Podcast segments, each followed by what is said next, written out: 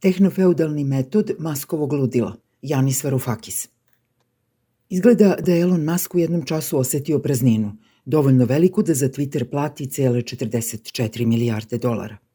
On je jedan od pionira online plaćanja, čovek koji je promenio automobilsku industriju, revolucionisao putovanje u svemir i eksperimentisao sa direktnim interfejsom između mozga i kompjutera.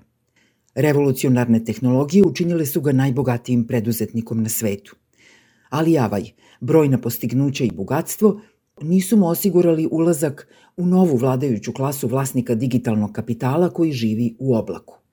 Twitter je bio dobra prilika da to ispravi. Od samih početaka kapitalizma moć je proisticala iz posjedovanja kapitalnih dobara, parnih mašina, besemerovih peći, industrijskih robota i tako dalje. Danas je digitalni kapital taj koji svojim vlasnicima daje nezamislivu moć. Pogledajmo Amazon, tu nepreglednu mrežu softvera, hardvera i skladišta i Amazonovu Alexu, napravu koja stoji na radnoj površini u kuhinji i direktno komunicira sa ukućanima. Taj sistem, sagrađen u digitalnom oblaku, ima bolje uvide u naše emocije nego bilo koji oglašivač iz prošlosti.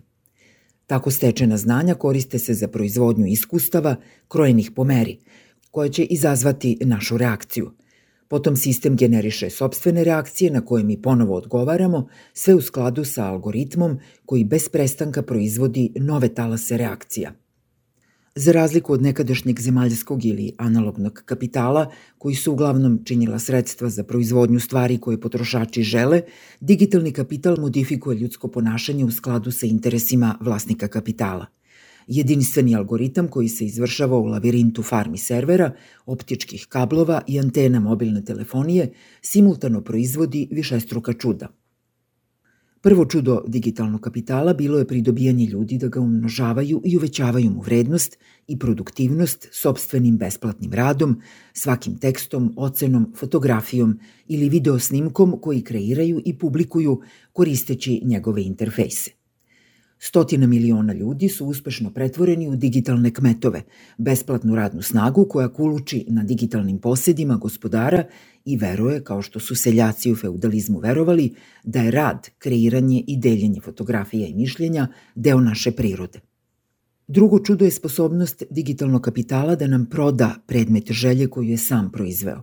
Amazon i Alibaba, kao i mnoštvo njihovih imitatora u svim zemljama sveta, neupućenom oku mogu izgledati kao monopolizovana tržišta, ali ovde zapravo nema nikakvog tržišta, pa ni hiperkapitalističkog digitalnog tržišta.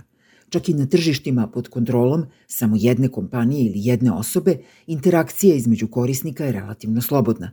Kada jednom uđete na platformu kao što je Amazon, algoritmi vas izoluju od ostalih kupaca i pružaju vam samo informacije koje su vam vlasnici namenili.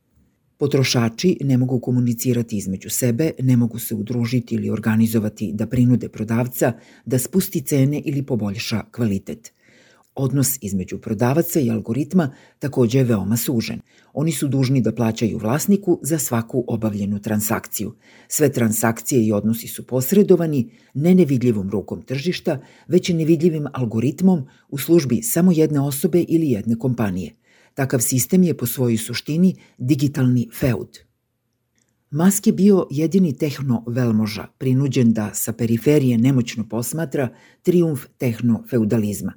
Njegova kompanija Tesla uspešno koristi tehnologiju oblaka da automobile pretvori u čvorišta digitalne mreže koja proizvodi ogromne količine podataka i vezuje vozače za Maskov sistem – Istovremeno, njegova kompanija SpaceX i mreža satelita koji okružuju planetu do sad su uglavnom bili u službi razvoja digitalnog kapitala nekih drugih mogula. Enfant terrible poslovnog sveta nije imao načina da ostvari ogromnu dobit koju proizvodi digitalni kapital. Tako je bilo do sada, ali Twitter bi to mogao da promeni. Čim je preuzeo kompaniju i proglasio se za vrhovnog tvita, potvrdio je nameru da sačuva Twitter kao prostor javne debate u kome se može raspravljati o bilo čemu. To je bila mudra taktika kojom je uspešno skrenuo pažnju javnosti s globalne debate o tome može li se danas najposećeniji forum kratke forme predati u ruke mogulu sa istorijom nemarnog odnosa prema istini na tom istom forumu. Liberalni komentatori negoduju zbog aktiviranja Trumpovog naloga. Levica strahuje od uspona tehnološki naprednije verzije Ruperta Mardoka.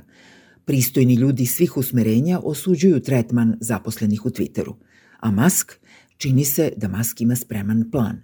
U jednom informativnom tweetu objavio je nameru da od Twittera napravi univerzalnu aplikaciju. Univerzalna aplikacija, prema mojoj definiciji, nije ništa manje od prolaza u oblak digitalnog kapitala koji vlasniku omogućuje da modifikuje ponašanje potrošača, profitira od besplatnog rada korisnika, pretvorenih u digitalne kmetove i konačno, i ne manje važno, da naplati prodavcima zakup prostora za prodaju robe.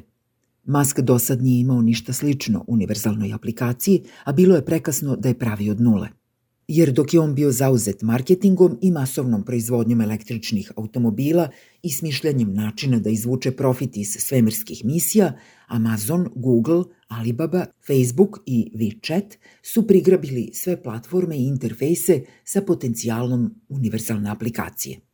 Pred Maskom je izazov da unapredi digitalni kapital Twittera i poveže ga sa postojećom mrežom podataka koju će puniti podacima prikupljenim pomoću električnih automobila i bezbrojnih satelita koji obilaze planetu ili kruže oko nje. Ako uspe da se nagodi sa preostalim zaposlenima u Twitteru, prvi zadatak će mu biti da eliminiše botove i trolove da bi novi Twitter najzad saznao identitete svojih korisnika i tako stekao vlasništvo nad njima – U pismu oglašivačima Musk ispravno zaključuje da su i relevantne reklame spam, dok su one relevantne koristan sadržaj. U doba tehnofeudalizma to znači da su sve poruke koje ne modifikuju ponašanje korisnika spam, dok su one koje utiču na mišljenje i ponašanje ljudi jedini sadržaj od značaja. Tu je stvarna moć. Kao privatni feud, Twitter nikada ne može biti prostor globalne javne debate, ali to nikada nije ni bio cilj ove platforme. Jedino pitanje koje se postavlja jeste može li ona novom vlasniku osigurati ulazak u ešalon nove tehnofeudalne vladajuće klase.